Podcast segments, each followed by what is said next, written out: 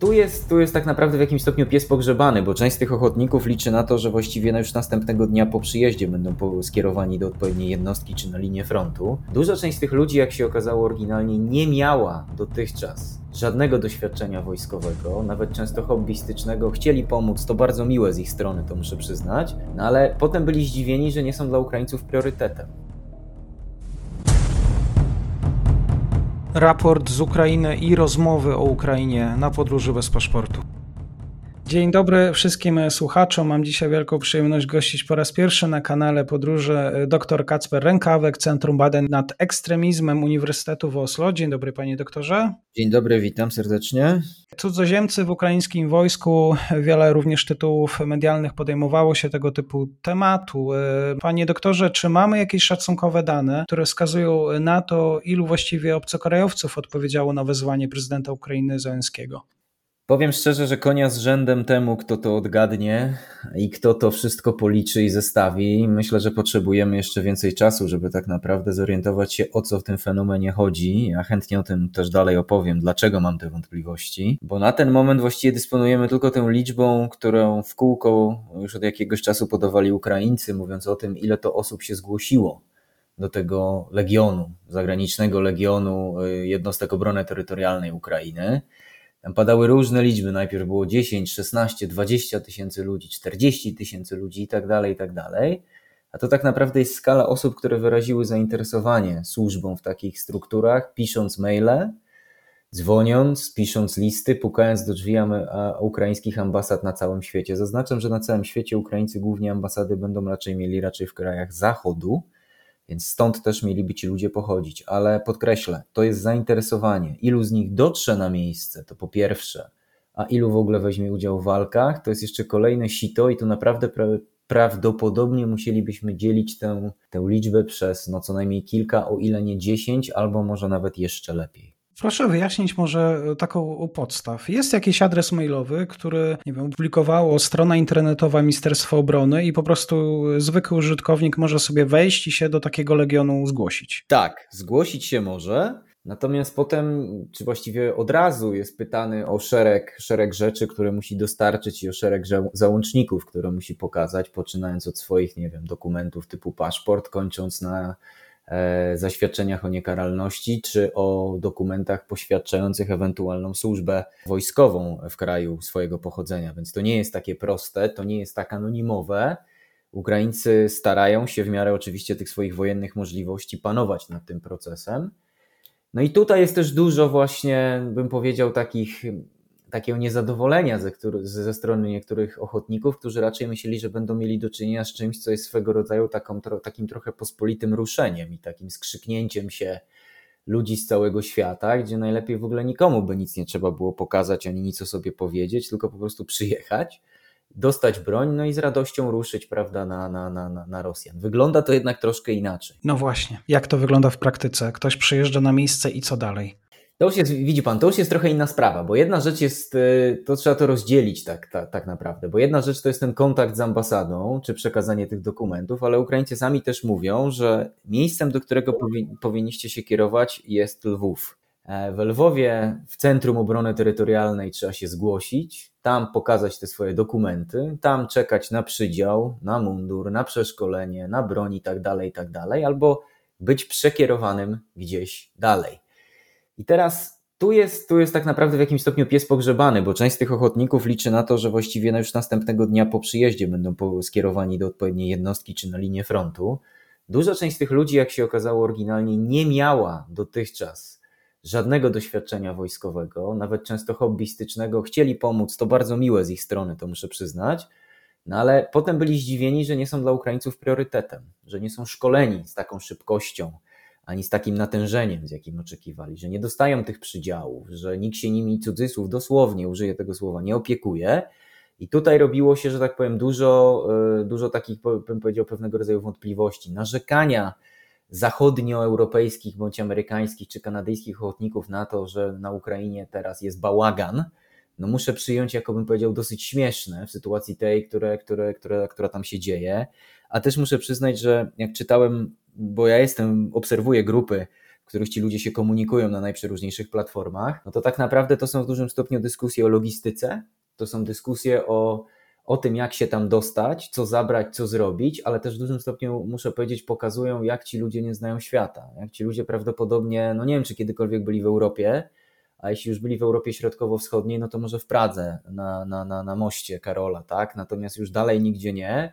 Często są przerażeni, zagubieni, nie wiedzą co tu zrobić, jak to zrobić, a jednocześnie chcą tam dojechać, a potem bardzo utyskują na to, że no przepraszam, że tak powiem, nie ma czerwonego dywanu. No i tak, tak to w jakimś stopniu też wygląda. Dużo łatwiej jest drugiej grupie ludzi, to muszę podkreślić, czyli weteranom, czyli osobom, które już mają za sobą jakąś służbę wojskową, gdzieś były, gdzieś walczyły, i krótko mówiąc, mają z tej służby wojskowej jakieś kontakty chociażby z Ukraińcami, z ukraińskimi jednostkami specjalnymi, czy po prostu z ukraińskimi wojskami.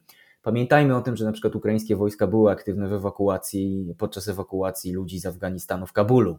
Więc takie kontakty są. Jeśli ktoś idzie po takich kontaktach wypracowanych wcześniej albo kontaktach wypracowanych we wcześniejszych latach, bo na przykład już pojechał na Ukrainę w 2014 roku i tam walczył wtedy, i z tego czasu ma swoich przyjaciół, kolegów, znajomych, towarzyszy, takim ludziom jest zdecydowanie łatwiej przeskoczyć te biurokratyczne szczeble, zdecydowanie łatwiej jest dostać się na przykład do Kijowa i de facto dostać się na, na, na, na linię frontu. Czyli jeśli ktoś ma coś nagrane, ja to słyszałem już wielokrotnie, temu będzie łatwiej się spełnić jako zagraniczny ochotnik na Ukrainie. Jeśli ktoś tego nie ma, jeśli jest to totalna improwizacja, jest to takie, jeśli jest to bardzo miłe, potrzebne pomaganie, z takiej, takiej to wychodzi chęci, lepiej chyba by było dla tych ludzi niejednokrotnie, żeby po prostu zaangażowali się w działania humanitarne, chociażby na którejś z granic zachodniej granic Ukrainy. Bo to też nie jest tak, że trzeba od razu chwycić broń, ale może wystarczy mieć prawo jazdy kategorii B. Po prostu na Ukrainę pojechać, y, może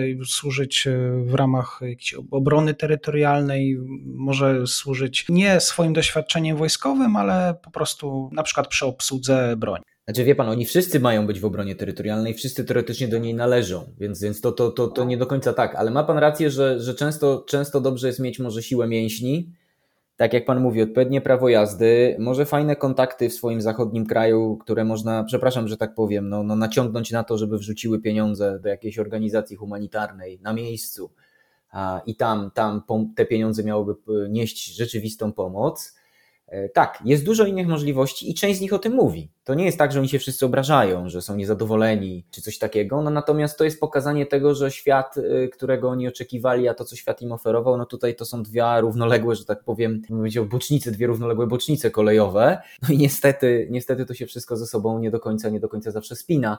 Ale tak, są inne możliwości pomocy, tylko proszę też pamiętać o tym, że duża część tych ludzi zaczęła de facto z Ukrainy się wycofywać, żeby nie powiedzieć uciekać, po tym jak Rosjanie trafili, ostrzelali bazę w Jaworowie e, na zachodniej, na zachod w zachodniej Ukrainie.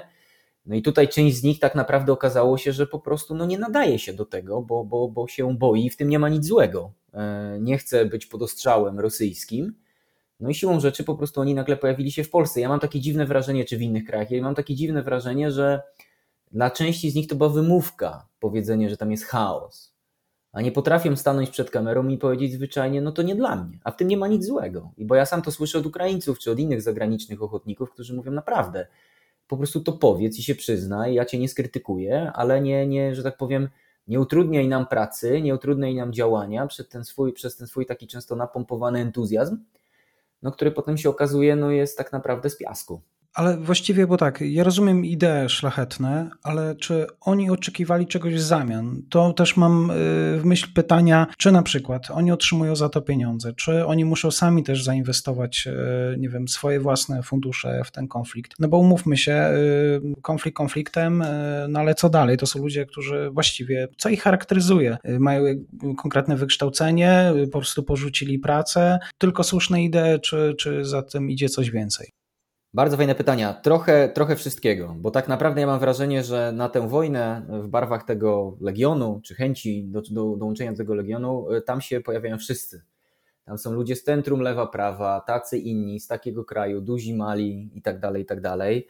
E, jest to naprawdę grupa, bym powiedział, zaangażowanych obywateli świata, tak to nazwijmy, którzy wszyscy mówią, że z jakichś powodów poruszyła ich sytuacja na Ukrainie. Bardzo często podają różne, bezpośrednie, bym powiedział, takie takie momenty przełomowe. Wielu mówiło o tym, że na przykład to słynne wideo, gdzie ojciec żegna córki, wsadza je do autobusu, on zostaje, żeby walczyć, wszyscy płaczą, że to jest ten taki ostateczny punkt, który przekonał ich do tego, żeby stać się tymi ochotnikami. Ale my nigdy tak naprawdę nie wiemy, co im w duszy gra na początku, co ich uruchomiło, e, że tak powiem, w tej, w tej podróży. Tutaj dla każdego jest to coś innego. Czy oni czegoś oczekiwali? No wiadomo, oni porzucają swoje życie, oni nie będą zarabiać pieniędzy gdzieś na zachodzie, które mogliby zarabiać, więc już tracą. Czy jadą tam dla pieniędzy? Nie. Jakieś pieniądze mają być, ale to jest, że tak powiem, to się ma dopiero wyklarować, wyklarować później. Dużym problemem dla nich jest podpisywanie kontraktu, panie redaktorze. To znaczy, oni chyba chcieliby mieć tę dowolność, że przyjadę kiedy chcę i wyjadę kiedy chcę, a Ukraińcy mówią, no nie do końca, tak? To musi być pewna czasowość, musi być pewne zobowiązanie. I powiem szczerze, że no w niektórych przypadkach jest to dość śmieszne, że ktoś mówi, no to ja wyjeżdżam, bo mi kazali podpisać na tyle czy tyle czasu. No, z całym szacunkiem, to jest wojna. Oni, jeżeli cię wciągną, wyszkolą, ubiorą, przygotują do wojny Ukraińcy, no to chcieliby mieć pewność, że będą cię mieć przez jakiś, przez jakiś czas po prostu jako swojego żołnierza. I w tym nie ma tak naprawdę nic dziwnego, ale to właśnie wracamy do tego, panie redaktorze, że no to są często ludzie, którzy tak naprawdę mają dość blade pojęcie o tym, jak to wygląda. I tu lepiej będą się sprawować weterani, bo oni wiedzą, oni się, oni się poruszali w jakimś terenie dla siebie nieprzyjaznym, byli już w takich sytuacjach, umieją improwizować, a umówmy się, jesteśmy w Europie Środkowo-Wschodniej, tu improwizacja zawsze była, jest i będzie bardzo ważna. I tu jest ten rozjazd, tak? Tutaj się pojawiają te dwie, e, te dwie równoległe bocznice. I może ja dlatego tak mówię, panie redaktorze, że to jest jeszcze za wcześnie, żeby to ocenić, bo jest dużo dymu wokół tego, jest dużo dyskusji, a mało jest tego ognia. My mało widzimy tak naprawdę obrazków z frontu. Jeszcze niewielu z nich stanęło przed kamerami czy przed mediami z frontu i nam powiedziało, co się dzieje. No, po, po, były już takie relacje, najczęściej tych, którzy właśnie się z Ukrainy wycofali. A ja czekam na relacje takich, którzy tam są, byli i będą. Tak jak to było w roku 2014, ale na nie też trzeba było wtedy trochę poczekać.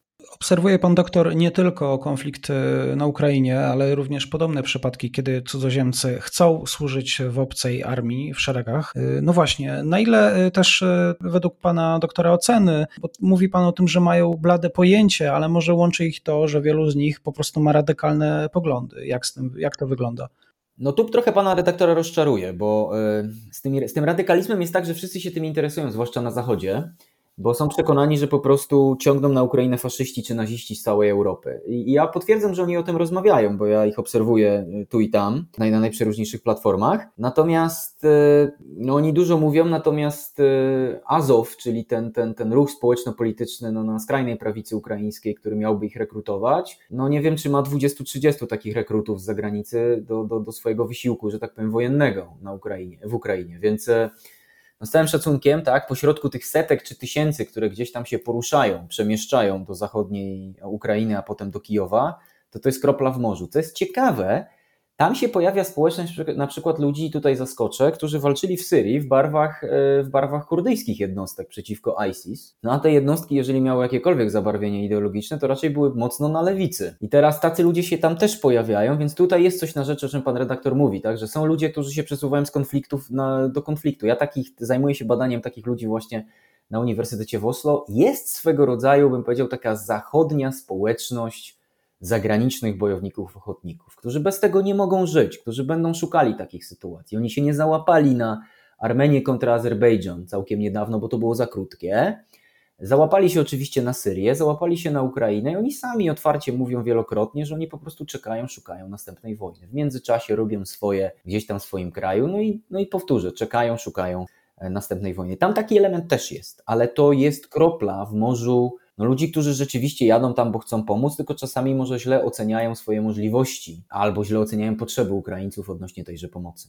Panie doktorze, czy właściwie Polacy mogą się zaciągnąć do ukraińskiej armii? Czy to jest w ogóle e, z punktu widzenia Polski legalne? To jest nielegalne z punktu widzenia Polski, tak na ten moment. E, I nie tylko Polski, ale całej właściwie dużej części krajów Europy Środkowo-Wschodnio-Południowej. Po prostu no, za to jest e, paragraf, jeśli nie ma się zgody odpowiednich instytucji swojego kraju, to jest nie tylko Polska.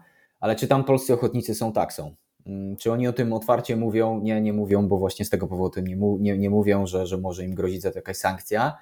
E, jest, są tacy też ochotnicy z innych krajów, te, krajów, krajów tego regionu. Ja słyszałem jakiś czas temu, no nie jestem w Polsce, nie obserwuję tych debat tak blisko, że coś tam ma, miałoby się może zmienić. Były takie propozycje polityczne odnośnie tych przepisów, bo za to, za to jest dosłownie, no, no jest groźba pozbawienia wolności na, na kilka, kilka, kilka, kilka ładnych lat, więc wiadomo, że gro wiadomości, które my będziemy otrzymywać o tych ochotników, ochotnikach, którzy rzeczywiście na Ukrainę dotarli, no to będą ochotnicy z krajów, gdzie to jest absolutnie legalne, czyli no kraje właściwie całego Zachodu, gdzie to jest legalne. Tak długo, jeżeli organizacja, do której wstępujesz, nie zostaje uznana za organizację terrorystyczną, a rząd Ukrai rządowi Ukrainy to absolutnie nie grozi, taka, takie, bycie takim ochotnikiem jest absolutnie legalne. Czytałem takie oświadczenie MONU, w którym miał stwierdzić, że tutaj odpowiednia zgoda mogłaby być wydana, ale... Długo to trwa. Długo to trwa, panie redaktorze, to jest do zrobienia. To nie, faktycznie, to nie jest tak, że każdy, każdy no, natomiast no, jest to specyficzny proces, a jeśli ktoś chciałby się tam dostać na przykład w ciągu tygodnia, no to nie ma na to szans w ten sposób. Doktor Kacper Rękawek dzisiaj na temat e, tego, czy wojskowi, czy również i cywile z krajów również i zachodu, e, szeroko pojętego zachodu mogą wziąć udział w konflikcie na Ukrainie. Dziękuję serdecznie za spotkanie.